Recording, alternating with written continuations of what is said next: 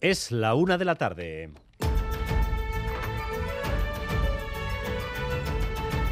Crónica de Euskadi con Dani Álvarez.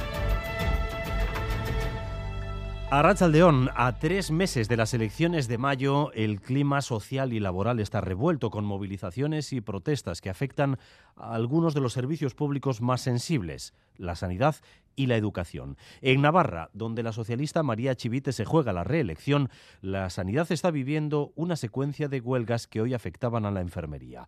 Antes habían sido los médicos y después ha habido un paro general en el conjunto del sector público navarro.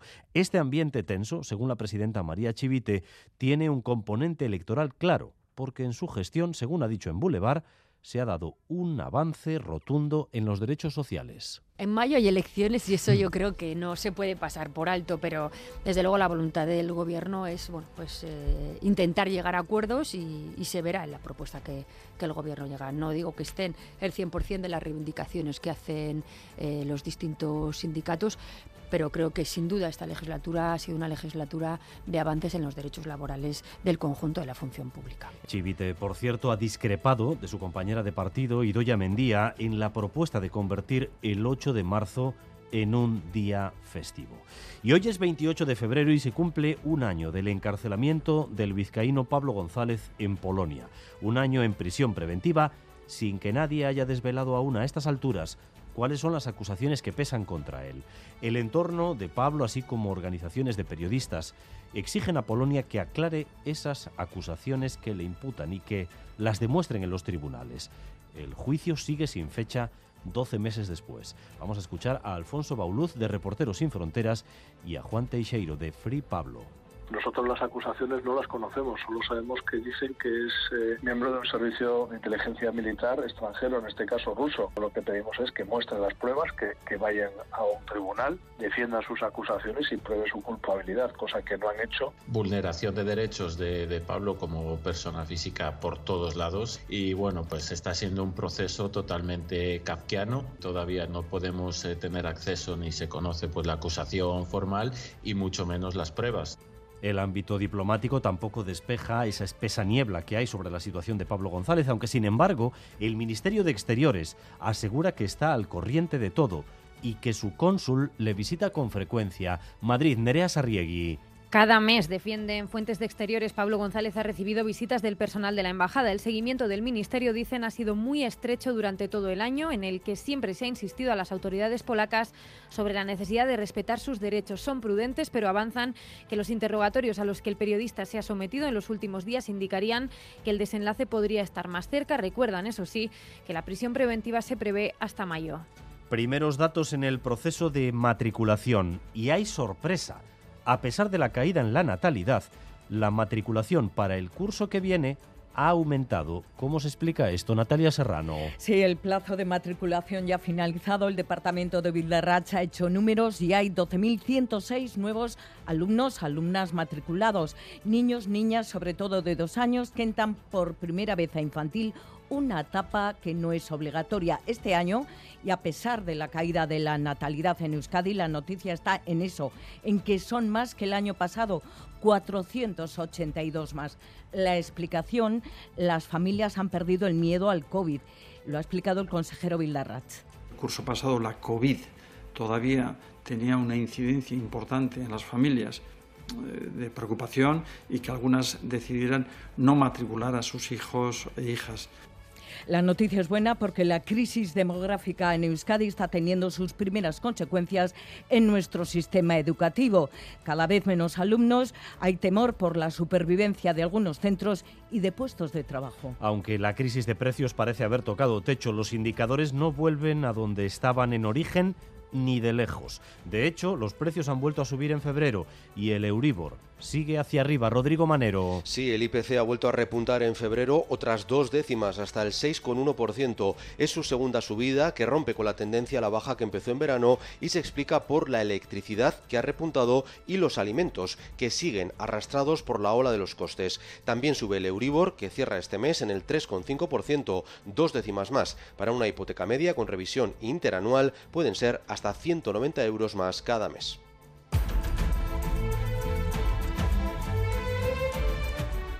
Ayer la temperatura mínima en Euskadi fue de menos 8 en Peñacerrada, a los pies del puerto de Herrera. Menos 8 marcaba el termómetro, pero la sensación real era de casi menos 20, según Euskalmet. Esa sensación se reproducía en otras muchas comarcas de nuestro país debido al viento del norte. Hacía mucho más frío de lo que decía el mercurio. Los propios vecinos de esa zona nos contaban esta mañana que no recordaban tanto frío desde hace años. El frío de ayer ya hacía tiempo que no habíamos tenido. Pues aquí nos vamos a morir, se ha saltado hasta la calefacción, se congela y todo. Hace un frío horroroso. Más sensación de frío. En el fuego en casa. Y salir lo mínimo. Lo justito para tomar un café y vale, y coger pan. Tenemos nuestro fuego, calefacción. No hay miedo. La calefacción más fuerte, un poquito más de leña y ya está. Hoy es horrible aquí, a meternos al horno. Y esta mañana hemos sabido que otro de los ocupantes de uno de los coches implicados en el accidente del domingo en Legorreta ha fallecido. Son de este modo tres las personas que han perdido la vida en ese siniestro. Ander López Lerena. Sí, se trata del hombre de 31 años que viajaba en el vehículo que circulaba en sentido contrario en el momento del accidente y que llevaba hospitalizado desde el pasado domingo. Ocurrió, recordamos, poco después de la medianoche del sábado en la Nacional 1 a la altura de la Ergorreta, sentido Vitoria-Gasteiz. Un vehículo colisionó contra otro que circulaba en sentido contrario. En el acto perdió la vida uno de los ocupantes. La otra persona fallecida que viajaba en el otro turismo fallecía horas más tarde en el hospital. La Arzanza continúa investigando lo ocurrido para esclarecer los hechos. A pesar del frío, la situación en las carreteras en general es una situación de cierta normalidad. Carreteras despejadas, unidad móvil de Radio Euskadi, Natalia Díaz. Sí, a Rachaldeón desde la A636 en la entrada por la N1 a la altura de Beasain.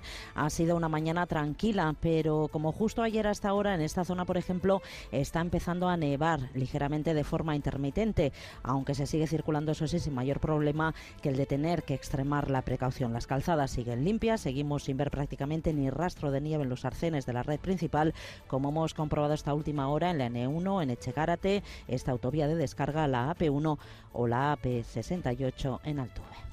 La situación sigue marcada por ese viento del norte que mencionábamos antes. A esta hora apenas superamos los 8 grados en Bilbao, Donostia o Bayona, 3 grados tan solo en Iruña y 2 en Vitoria-Gasteiz. Eso sí, la cota de nieve está hoy algo más elevada Y el Museo de Bellas Artes presenta la segunda edición de Icus.ac, el proyecto audiovisual que propone una revisión del arte. En esta segunda edición se ha situado artistas vascas ante obras de la colección del Museo de otras mujeres artistas ya fallecidas, material que se ha recogido en ocho audiovisuales que han dirigido la cineasta Tamara García Iglesias. Realmente la compañía es eso, ¿no? A nivel de artístico podemos llamarlo contexto, afecto, amistad, referencia, influencia, genealogía, pero lo que todo el tiempo estamos buscando es el interlocutor válido, ¿no? La compañía, sea esta el museo, sea esta las amigas, sean estas las familias que uno crea o las propias. Y vamos también con lo más destacado del deporte, Álvaro Fernández Cadierno, Arrachaldeón. Hola Arrachaldeón, con la previa de esos un Athletic de Copa de mañana, Arrasate ha dicho de forma clara hace un minuto que quieren jugar la final y ha confirmado que entra en la lista el tocado Rubén García. A las 5 hablará Valverde en balomano, partido europeo para Vidasoirún que recibe al Skandenburg danés ya clasificado y además tenemos a cuatro de los nuestros en la Copa de Europa de lanzamientos de la semana que viene en Portugal, los hermanos Gijera y Arancha Moreno en jabalina y Carlos Tobalina en peso. Gracias, un día más por Radio Euskadi y Radio Vitoria para informarse. Raúl González y José Ignacio Revuelta se encargan de la dirección técnica y Aichiber Bilbao de la coordinación. Crónica de Euskadi con Dani Álvarez.